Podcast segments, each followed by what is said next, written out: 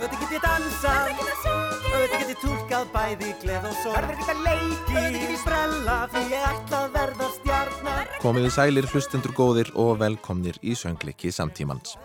Ég heiti Karl Pálsson og söngleikur dagsins er rockarinn og rótarinn.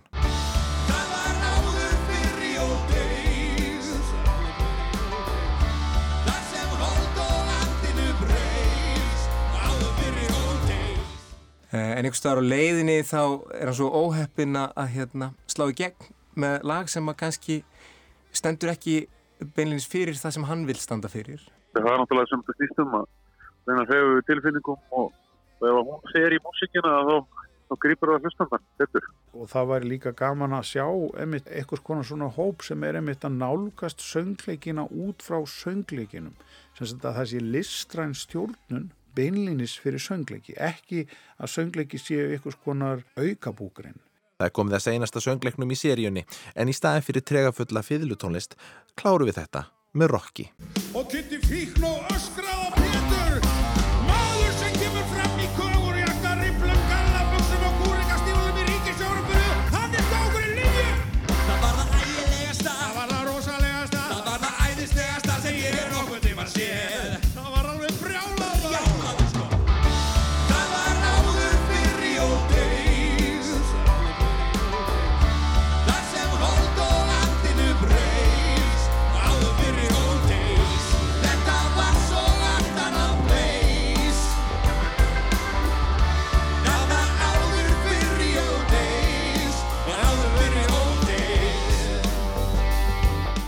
Rockarinn og rótarinn er fyrsti söngleikurinn eftir leikaran og tónlistamannin Þór Breiðfjörð.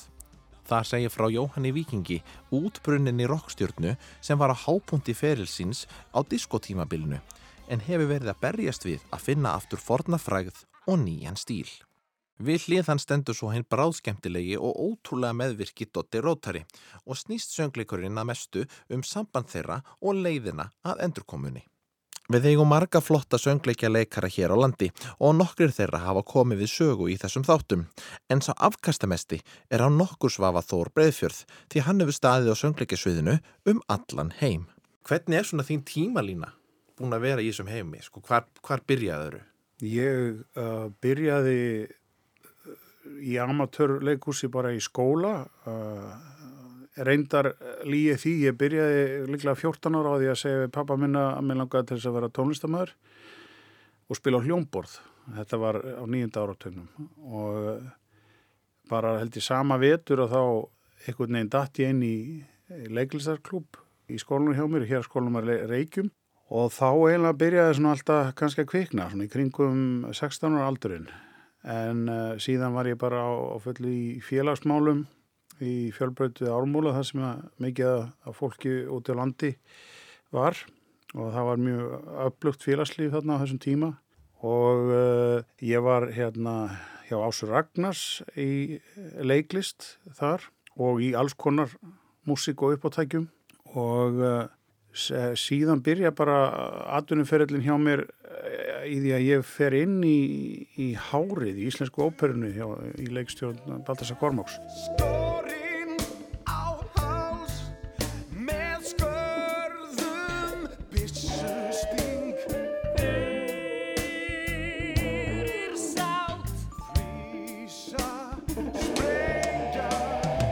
og síðan uh, þar á eftir eh, er ég að taka svona 50-50 af Júdasi á móti Stefáni Hilmarsinni síðan fer ég út í, í, í nám.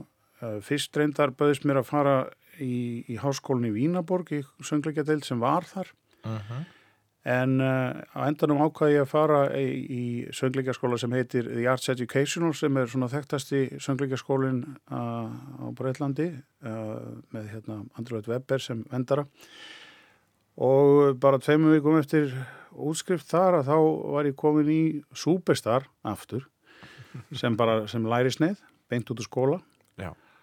og uh, svo var ég uh, 11 ári í, Bretlandi mikið í söngleikjum Og svo kemur þú heim og hvað, beint í vesalengana eða... Nei, sko, ég fór enda til Kanada vegna þess að mér fannst komin aðeins tími til þess að aðeins að einbeita mér að lagasmíðum sem hefðu leiðið í áratug svona bara í skúfunni. og ég kemst í kynni við alveg frábæran, mjög þekktan uh, upptökustjóra þarna sem er með stúdjó í Nova Scotia bara í e- einhverju sem lítur út eins og hlaða lengst út í sveit tekur plötu þar, þannig að ég var þrjú ár í Kanada og uh, síðan kem ég heim uh, 2010 líklega og já, það er nú svona, ég byrjaði bara hérna í músikinni og, og, og, og svo já, fyrsta svona stóra, stóra verkefni voru vissalengandi.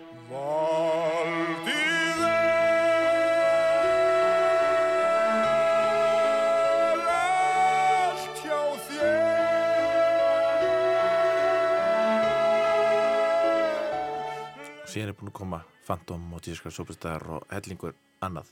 Já, fyrst með hérna honum Eyði í Tóttmobil og, og Friðriki Karls með Superstar en, en síðan náttúrulega þetta eh, mikla teimi, hérna Þorvaldi Bjarni og, og Eyður Já, í Tóttmobil. Þeir, hérna, þeir eru búin að vera ótrúlega duglegi við að gera þessa hálf sviðsettu söngleiki í Eldborg og, og ég er búin að vinna þó nokkuð mikið með þeim og það er búin að vera alveg ótrúlega mikið ævintýri og, og, og gaman. Evita Einarsson frá Mars, Phantom, já, vonandi bara margir fleiri. já. Dare you trust the music of the night Og hvar í þessari tímalínu kviknaði hugmyndin að gera þinn eigin söngleik? Ég var fyrst líklega að svolítið að eitthvað svona hugsa um eitthvað konar svona einsmanns síningu. Svo þróaðist þetta svona yfir í þetta svona meðvirka samband milli rockara og rótara. Það er til gömul og ný dæmi um það og mér þótti það áhugavert. Við tveir, við tveir erum krabbar og við svona kröppum okkur út á hlið í þessum þangfrumskói sem við köllum bransan. Sko, þetta er í raunni, þetta eru þrjú einföld skref. Númer eitt, þú heilsar að sjó manna sig. Númer tvö, koss og knús. Og að ef að þú þart, skref númer þrjú, tekur smá vestur, portar á þetta, finnur axlir og nuttar það pínu lítið. Bara smá, bara smá. Gerðu bara eins og ég. Tilbúin, ok? Koss, knús, nutta. Koss, knús, nutta. Koss, knús, nutta. Koss, knús, nutta. Koss, knús, nutta, nutta, koss, knús. Koss, nutta, nutta, koss, knús, nutta. Koss, knús, nutta, nutta, koss, knús. Koss, nutta, nutta, koss, knús, nutta. Ef þú bara myndar fyrsta mynda dansinn og opnast allar gáttur upp og líka bransinn. Það er ekki spurning, ég þarf smurning Nei, nú þarft að treysta og kveika neista. Það er erfitt að byrja nýju Ég fæ í hálsin svaka klíu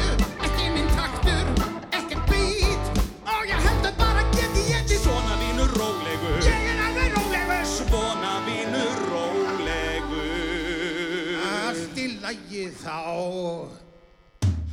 Það kviknaði áhugi svona fyrir, ég, ég veit ekki, það er svona 5-6 ár síðan eitthvað svoleiðis. Já, þá, þá svona byrjaði ég að hugsa, hugsa aðeins lengra og eh, var svona lengi bara svona aðeins að þreyfa á þessu og ég svona kannski samt eitthvað svona lag og lag en svo fór ég svona að taka þetta svona meiri fastari tökum þegar að leið á. Svo fór bara að þróast fyrir mér að það var eitthvað svolítið gaman að, að skoða bæði, já, náttúrulega þetta meðvirkarsamband og síðan aðeins líka bara smá kynnslóðunar. En fyrst og fremst átti þetta náttúrulega bara að vera eitthvað sem að veri gott og skemmtilegt fyrsta verk sem að myndi henda í Íslands leikhús. Uh, þetta er náttúrulega með þrem leikurum og, og, og við endum með fjóra í hljómsveit. Það eru fleiri heldur en, heldur en leikararnir Einmitt. og svo bara uh, hef ég náttúrulega oft kannski verið að líka tala um það að mér finnst svolítið áhugavert að það er gríðarlega mikið eh, svona finnst mér viðþorf einhvern veginn að að söngleikir verði að vera eitthvað skona svona gleði og, og dans eh, hérna bomba með 40 á sviði. Eh, í íslensku leikúsi sem yfirleitt eru, eru, eru 500 sæti. Og það er náttúrulega fyrir leikús sem er ekki styrt að þá er það erfitt fyrir Excel-skjalið og það er hellingur af mjög flottum stykkjum. Svo ert með minni leikstykki sem eru að fjallum eitthvað einangrað. Það er bara söngleikir halda aðteglinni jafn vel bara með góðum leikurum og söngurum.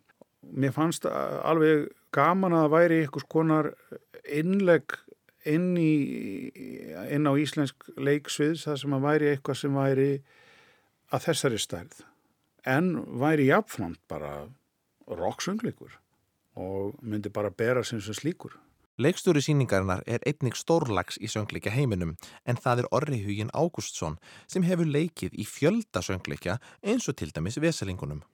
Þegar líður á dag kemur fátt fyrir ekkert. Það fær enginn sitt brauð fyrir leti og háns. Hann hefur einnig verið í söngkópnum Ef lífið væri söngleikur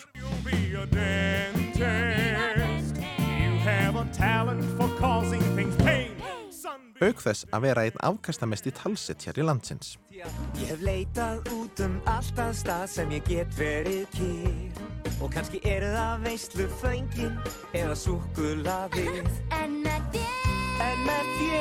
Það er pínu áhugavert að vera með söngleik sem að þekktur listamæður er að þróa alveg á eigin spýtur, svona án aðkomu uh, leikusana eða stærri leikóps og bara hvernig var að koma inn í þetta verkefni? Það var mjög skemmtilegt sko. Ég, ég er mjög gaman að því að vinna hluti frá grunni. Um, það var hansi langt síðan að Þór kom með hugmyndina til mín fyrst. Þá voru svona vísbendingar um hvert þetta stemdi en, uh, en það átti eftir að vinna mjög mikla vinnu. En það sem að, að stóð þar algjörlega skýrt var þessi kjarni, þessi, þessi tónlistamæður sem að verki hverfistum uh, sem að, að er uh, svona íslenska ekki meiksaðan eiginlega. Eh, maður sem að gerir sitt uh, og eigir alltaf möguleikan á því einhvern veginn að það verði að einhverju stærra og meira springi út. Uh, hann á að sjá sér farborða að því að, að búa til og skapa, vinna að sinni list. Uh, en einhvers staðar á leiðinni þá er hann svo óheppin að hérna, slá í gegn með lag sem að kannski stendur ekki beinleins fyrir það sem hann vil standa fyrir uh, og er fastur í að spila í rauninni tónlist sem að, að hann unir kannski illa við. Ég er fangi í hjarta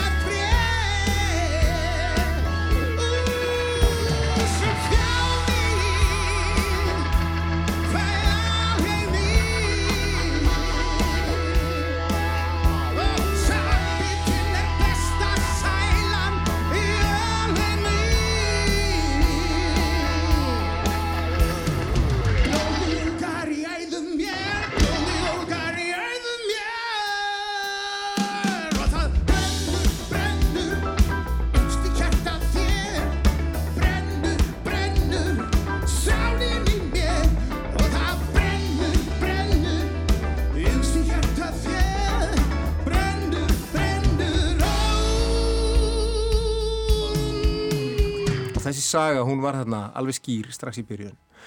Uh, og eitthvað svona fallega íslensk sko. Og svo er það eh, annað þetta sem er líka alveg ljóst þarna í byrjun þó langar til þess að, skrifa uh, lítið verk. Uh, hann er ekki búið til stórsýningu. Hugmyndina ber það algjörlega með sér að þetta, eru, þetta er fámenn sýning uh, hugsuð fyrir lítið svið.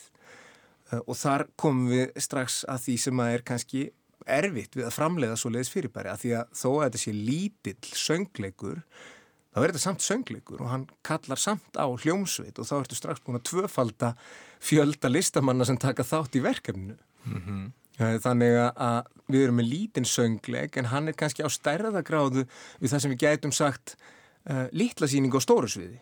Og þess vegna uh, er svolítið, uh, svolítið erfitt einmitt að fjármagna verkefnið og, og það er kannski það er kannski svona erfitt að fá uh, stopnarnirnar til þess að taka séns á þessu. Þegar að þau hugsa um söngleiki þá eru þau að hugsa meira um svona stærri skrautsýningar eitthvað sem að, að þau geta fyllt stóru salina með. Það getur vel verið að þessi síning komist hangað sko en, en uh, það verður þá væntanlega frekar eftir svona krókarleið sko því maður hefur séð það gerast inn í, í leikusum sem hafið nokkrum sviðum að ráða þau búið til síningu á minna sviði og hún sprengir utan á sér húsið og það þarf að færa hana í stærri sal ekki að því að það vanti stærra svið fyrir verkefnið, heldur að því að það vanta fleiri sæti. Tónlistarstjóri síningarinnar er Davíð Sigurgesson sem auk þess að vera eitt færasti gítarleikari landsins hefur komið nálagt uppvæslu nokkura söngleikja og er einni kórstjóri gospelkórs Jóns Vítalins. Nú hefur þú unnið alveg slatta með Þór Breiðfjörð bæði í söngleikadildinu hans og í prívatverkefnum. Hvenar færa hann inn í þetta verkefni? Ég byrjaði að tala um þetta í november 2020 og hann væri tilbúin að söngleik. Og síðan byrjuði að hittast í janúar 2021 og ég rauninni byrjaði einu sinni viku að fara að útsetja lögin og ég var alveg magna að hann kom með handrið, skelltið var á borðið handrið að söngleik 15 lög eða eitthvað tilbúin. Ég haf aldrei séð svona ég rauninni svona vel borunni verkefni sko þannig að við byrjuðum að hittast einu sinni viku og, og, og útsetja og pæla og náðum kannski gera tvö lög í hverjum hitt. Það var mjög skemmtilegt. Þú vinnur þetta alveg með honum. Hann er með þér í öllum þessum sessjónum. Já, mestmægnis. Og það, ég dútlaði eitthvað örlítið heima en mestmægnis var þór með mér og þarna tíman sko. Mm. Þegar við fengum bandið inn þá vorum við svolítið að útsetja þetta on the fly og, og, en við vorum með alveg mjög sterkast skoðanir á því hvað við vildum fá. Hvernig var að vinna þetta? Þetta áttalega er söngleikur en tónlistin mm. er mjög hljómsveitarleg þannig að hvernig var einmitt að vinna þetta með bandinu? Það var náttúrulega mjög skemmtilegt sko. því að þarna, við erum þarna, þrjá mjög kreatífa hljóðfærarleikar sem koma Ásmund Jónsson sem hefur ekki Paradís í mörg ár alveg mjög kreatífu trómari og síðan var Leilo og Bassa, Lóisa og hún náttúrulega alveg frábært tónlistamæður og, og leinir á sér á Bassan alveg þrjúðslu góð sko. Og síðan Tómas Jónsson sem er einn af mínum uppbóls hljóðfærarleikurum hérna á þessu landi. Algjör snillingur. Já, hann gerði það sem að mitt, maður er fann að sjá daldi oft núna að svona, hann umkryndi sig hljómborðum öllum típum. Já, já, já, já. Tommi hann er ekki hrifin að því að vera með svona workstation í rauninni svona, það er kallað workstation þegar þú er með hljómborð sem er bara eitt í öllu Þetta vil hann vera með eitt fyrir hvert sound. það er mjög skemmtilegt og lítið vel út á sviði og svakalegt rót. Hann þarf að eiga sín eigin sendir, ferða bíl og... Myndum ekki treysta Dota Rótara kannski fyrir því? Nei, mögulega ekki. Eins og komið hefur fram hlaut þór mikla reynslu á West End. Við gerð erlendra söngleikja hefur svo vinnu aðferð lengi tíðkast að halda smiðju eða svo kallað workshop þar sem síningin er unnin og halda svo pröfusíningu eða preview til að vekja aðtekli fjárfesta og fá tilfinningu fyrir því hvernig verkið smellur saman. Farið var svipaðaleið með rockaran og rótaran því að söngleikurinn er nefnilega ekki tilbúin en það er samt búið sínan einu sinni og það var einmitt svona pröfusíning. En við erum að vinna eins og okkur finnst að eigi að vinna eitthvað svona að, og það var alveg frábært að fá viðbröð áhörönda svo náttúrulega tókum við þetta upp á vídeo og, og þá getum við farið yfir vegna þess að það er gríðarlega mikilvægt í öllum leikverkum að sögu bógin sé eitthvað sem að fái hlustandan, áhórandan til þess að, að taka þátt í ferðinni.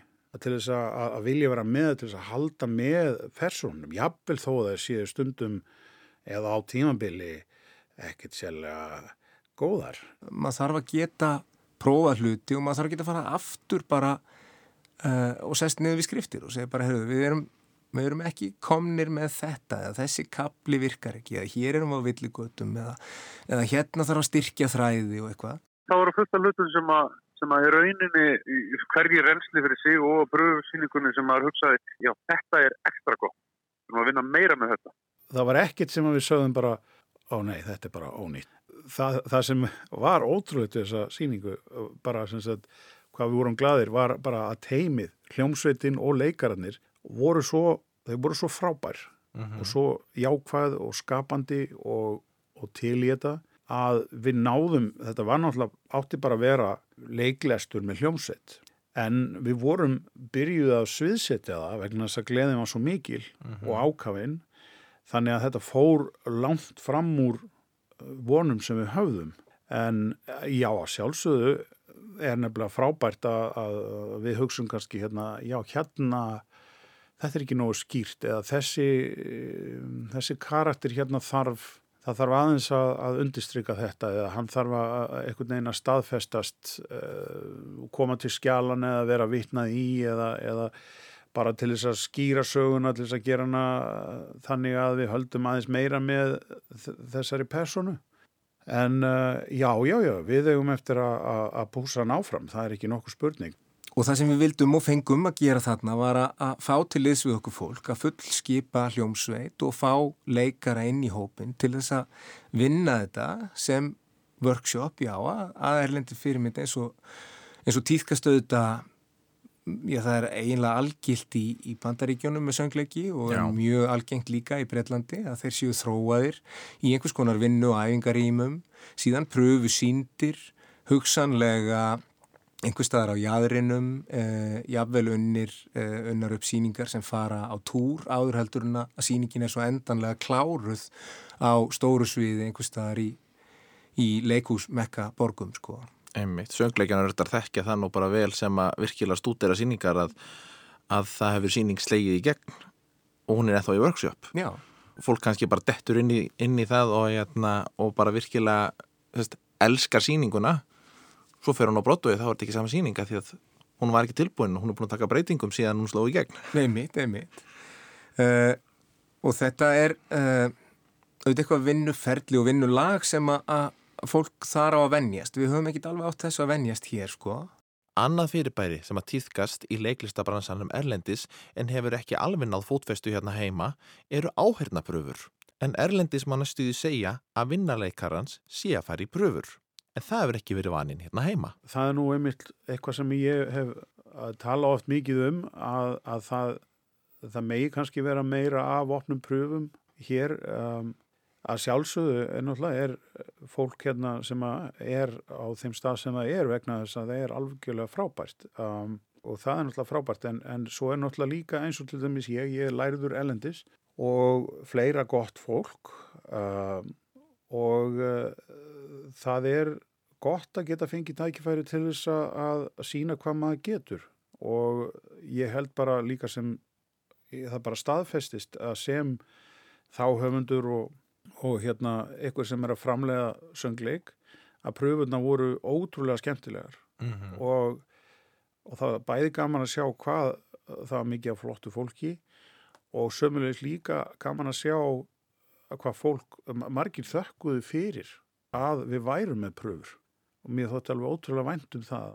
Það er ekkit mjög algengt uh, að það sé pröfað inn í verkefni í leikusunum. Uh, að hluta til uh, er það kannski bara landslægið.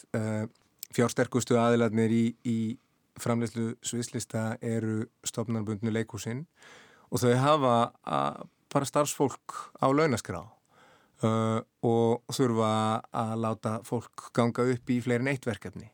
Og það hefur komið fyrir inn í stærri leikúsunum auðvitað að sé pröfað uh, þegar að vesalingarnir voru færðir á svið þá voru pröfur uh, en þetta var eitthvað sem að við vorum alveg sammálu um að væri, væri ákjósanlegt. Uh, að því að það er hellingur af fólki sem vinnur í þessu fæi sem að hefur jáfnvel sótt sér ákveðina sérhæfingu í, í músíkleikúsi Uh, og okkur fannst full ástæði til þess að gefa þeim tækifæri til þess að koma og pröfa, bæði bara til þess að hafa pröfur af því að það er ekki það algengt og okkur finnst það mikilvægt. Þannig við vildum, við vildum geta stöðlað að því í verkefninu að það væru þá allavega þessar pröfur Ég held ég tali allavega fyrir aðra leikara sko að, hérna, að ég held að ég hafi farið í fjórar pröfur Já. á mínu ferli sem er kannski ekki búin að vera það langur en jújú, jú, hann er búin að vera kannski áratögur og ég er búin að ná að fara í fjórar eða fimm eða eitthvað og þarna einmitt læri maður að hverri pröfu og einmitt erlendis ertu kannski að fara í þrjár fjórar á viku og þá lærir þau bara alltaf af hverju einustu pröfu Já. Og hérna, ég einmitt bara fór í mína fyrstu og ég mætti búning og ég var með einhvern svakalega fínan hatt og ég ætlaði að vera voðalega fín og svo náttúrulega fattaði eftir fyrir næstu pröfu en þetta var ekki nálgurinn sem ég átt að gera. Nei. Og hvena fæ ég þá næst tækifæri til þess að leiða þetta og það kom eitthvað tveimur ára setna já, ég fekk, fekk næstu pröfu sem ég gæti haldið áfram að vinna þetta, þetta ferli. Þannig að þetta er klárlega eitthvað sem við vonumst til að sjá meiraf. En síðan uh, fengum við Ævar Þór Benediktsson, Ævar Vísindamann, Kentum við vísindumann. Kentum einmitt. við Vísindamann. Það þarf væntalega ekki að kynna hann Ævar Þór fyrir neinum. Hann er einn afkastamesti rítöfundur landsins og um leið er Ævar Þór líka einstaklega flottur leikari og slær söngleikja hjartað glatt í honum eins og við heyrðum í Grís,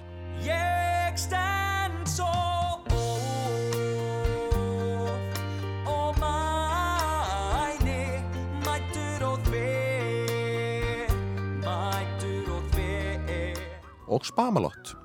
Þó líði líði hjá, það liggur ekkert á Því að auðin kemst jú alltaf upp af þér Þá er Ævar ekki ókunnugur því að skrifa söngleiki því þegar hann var í framhaldsskóla samti hann glimskrætta söngleikin Ríin sem tók sögur Rómeós og Júlíu fyrir. En í staðin fyrir Montag á móti Capulet þá var mentaskólan á Akureyri á móti verkmentaskólanum á Akureyri í Ríknum.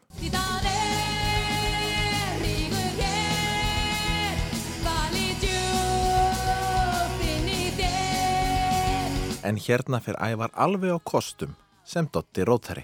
Þú veist, hún er alltaf að tala um venjulegt jobb og reglunan vinnutíma og, og almennileg laun og ég einhvern veginn segi við hana eins og ég einhvern veginn segi við alla sem spurja mig út í þetta, þú veist, hvað hva á ég þá að gera? Hvað?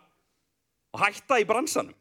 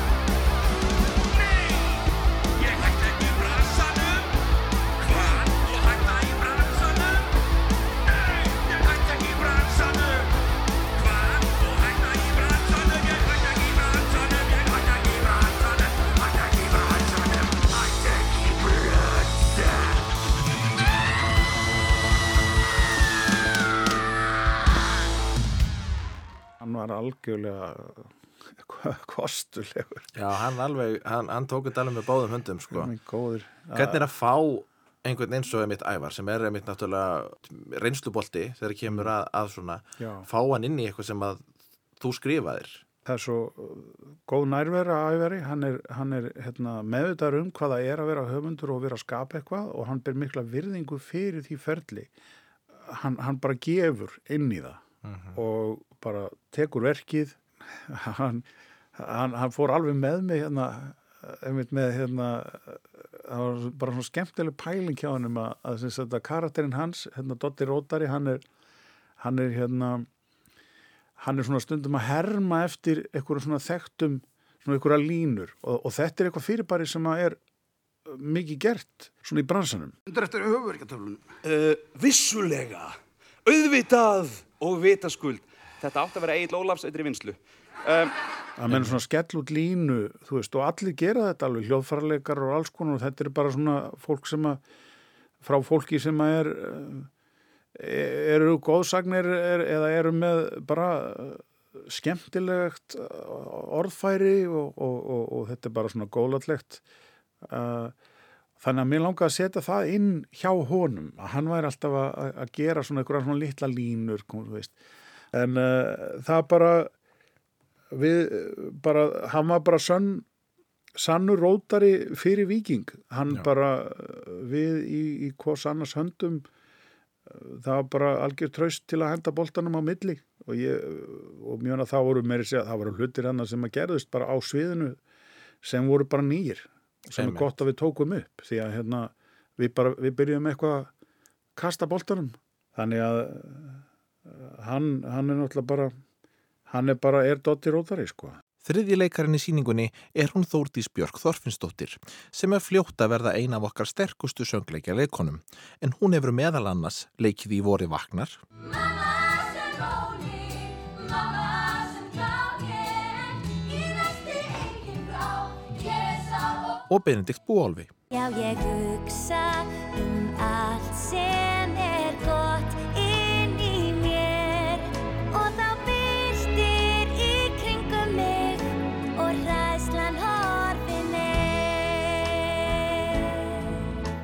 Auk þess sem hún gerir reglulega allt vittlust með Reykjavíkur dætrum. Já, mér áttalega baby, barnið mitt er ekki lazy, setur diski sinni vaskinn, faðar ekki þegar í lappinn.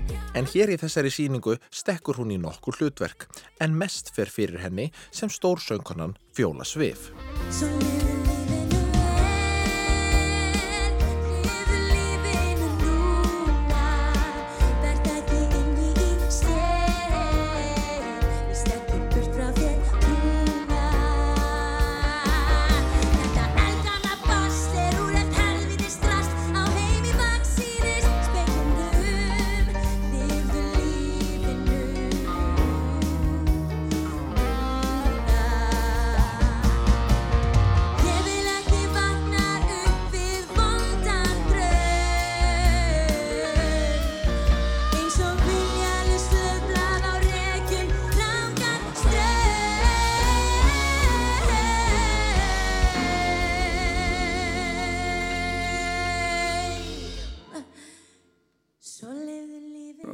Náttúrulega kemur líka úr við erum að leita einhverjum sem væri svona svolítið alveg önnur kynnslóð unga, eða einan gæsaleppa unga kynnslóðin eða, eða sem sagt eitthvað sem væri af algjörlega annari kynnslóð Já. heldur en Jóhann Víkingur og hérna og hún er náttúrulega mjög áhugaverð með það þessi persóna að, að það er svolítið gaman að snúa því á haus að, að þú veist að þeir eru þarna svolítið svona fastir í gömlum hlutum Jóhann Víkingur, rockarinn og rótarinn sérstaklega Jóhann Víkingur.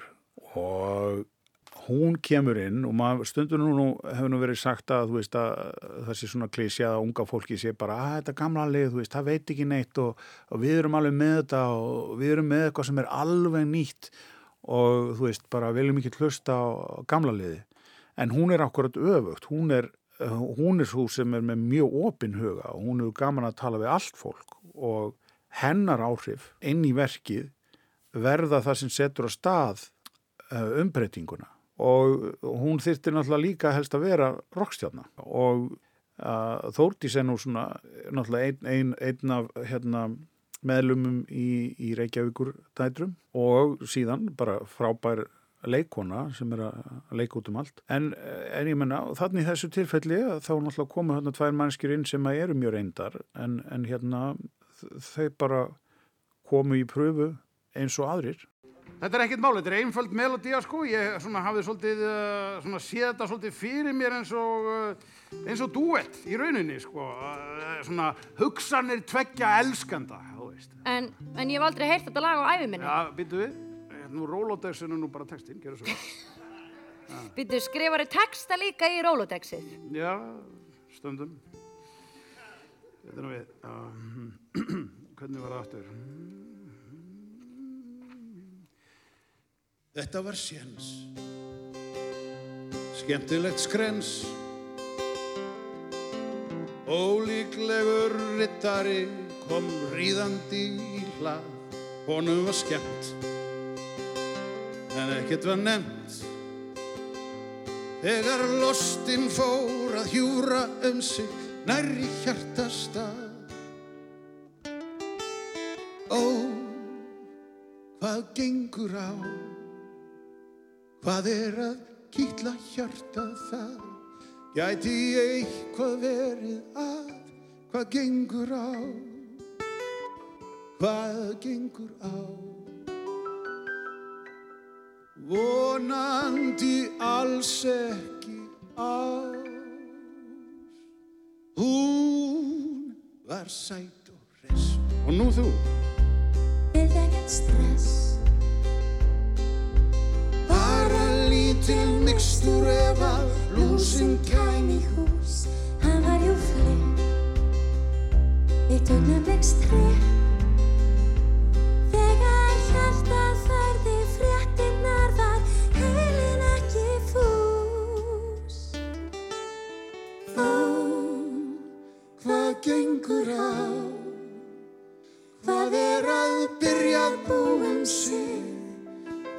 kannski að leggja mig. Hvað gengur á? Hvað gengur á? Vonandi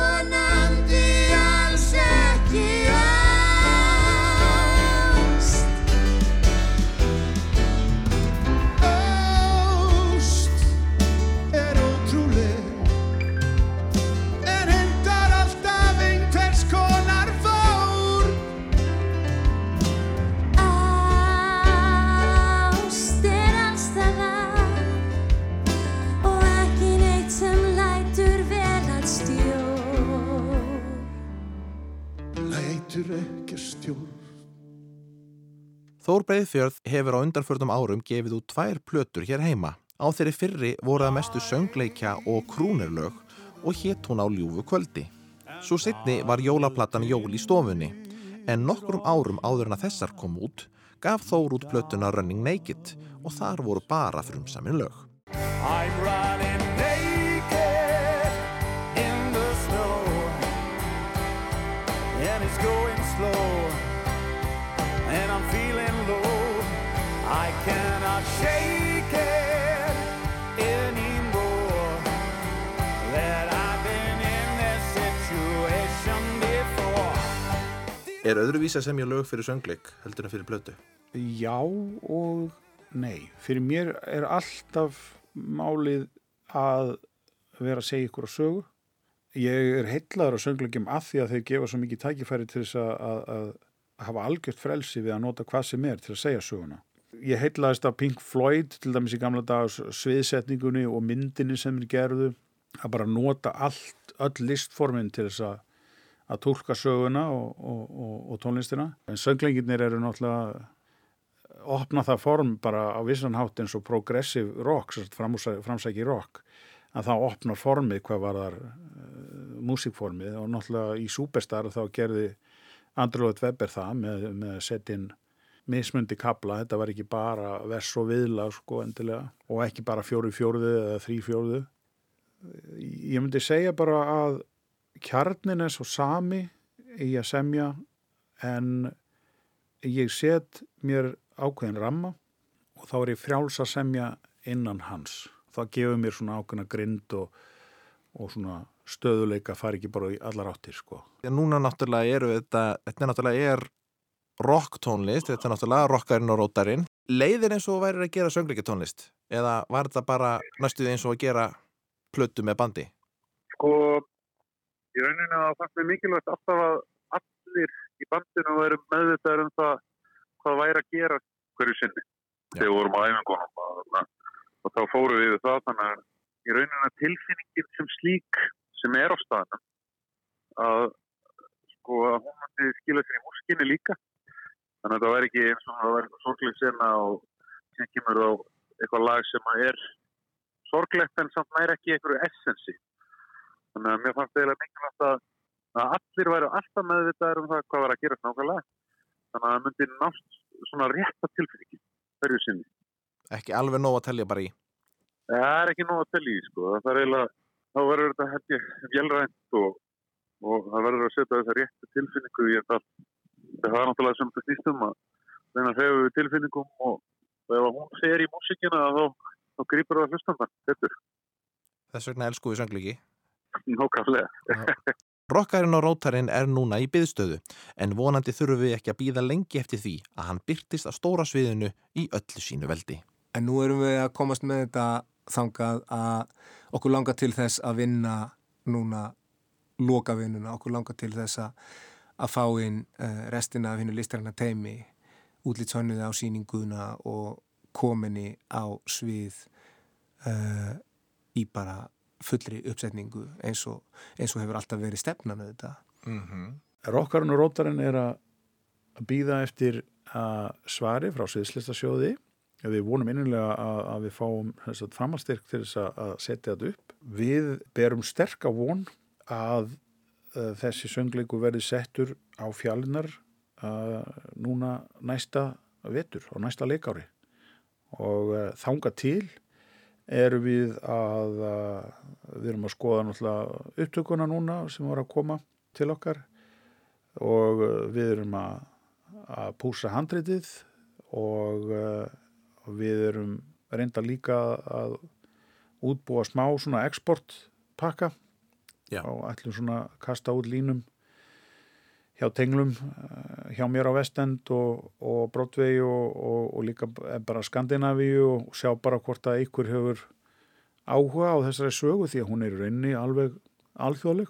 Og náttúrulega í dag eru leikópar eins og til dæmis Gablara leikúsið og fleiri sjálfstæði leikópar er að fara út um alla Evrópu og víðar mm -hmm. og sína svona lítil stykki þannig að bara vinnan heldur áfram Þeir Þór og Orri Hugin kenna báðir við söngleikadeilt söngskóla Sigurða Demets og vinna því við að pæla í söngleikum. Ekki bara sem afþreyingu, heldur sem listformi og atvinnu. Þeir eru því fullkomni viðmælendur til að ljúka þessari sériu og ég varpa fram spurningunni hvernig stendur söngleikalistin á Ísland í dag? Ég held hún sé nú uh, frekar væn sko.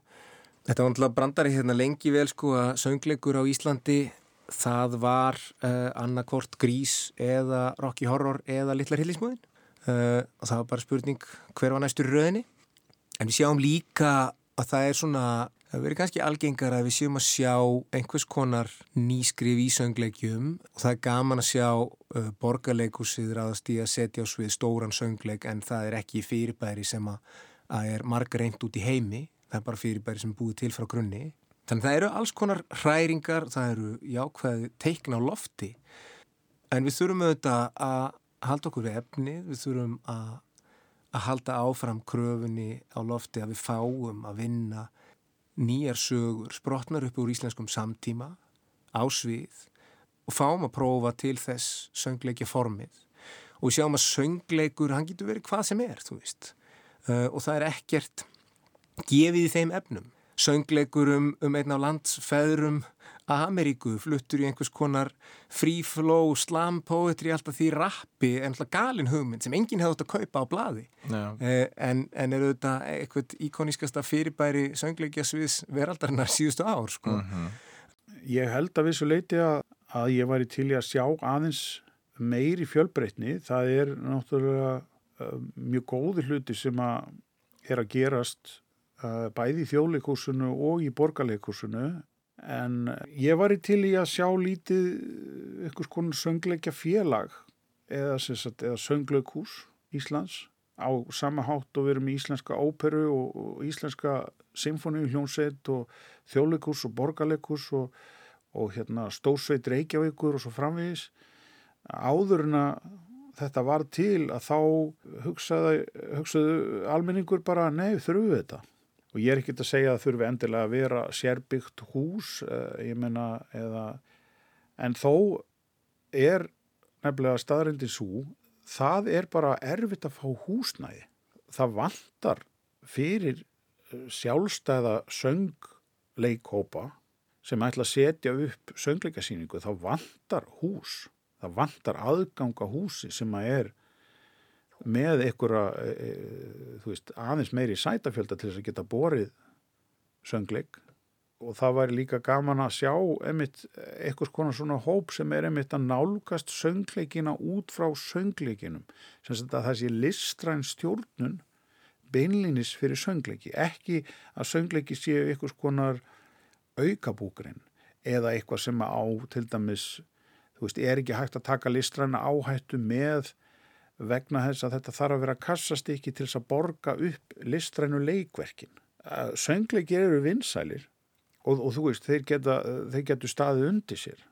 Ég hef verið að tala núna í mörg ár við nefndum mín og annað og hef verið að þusi við því að það sé engin alvöru söngleikur fyrir fullorna sem hafa verið samin á 21. öldinni. Ég held að það sé að breytast núna. Ég held það, já. Ég held að, að sé ákveðin vakning og, meðvitund um að það sé fólk sem hefur áhuga á því að gera eitthvað í þessu.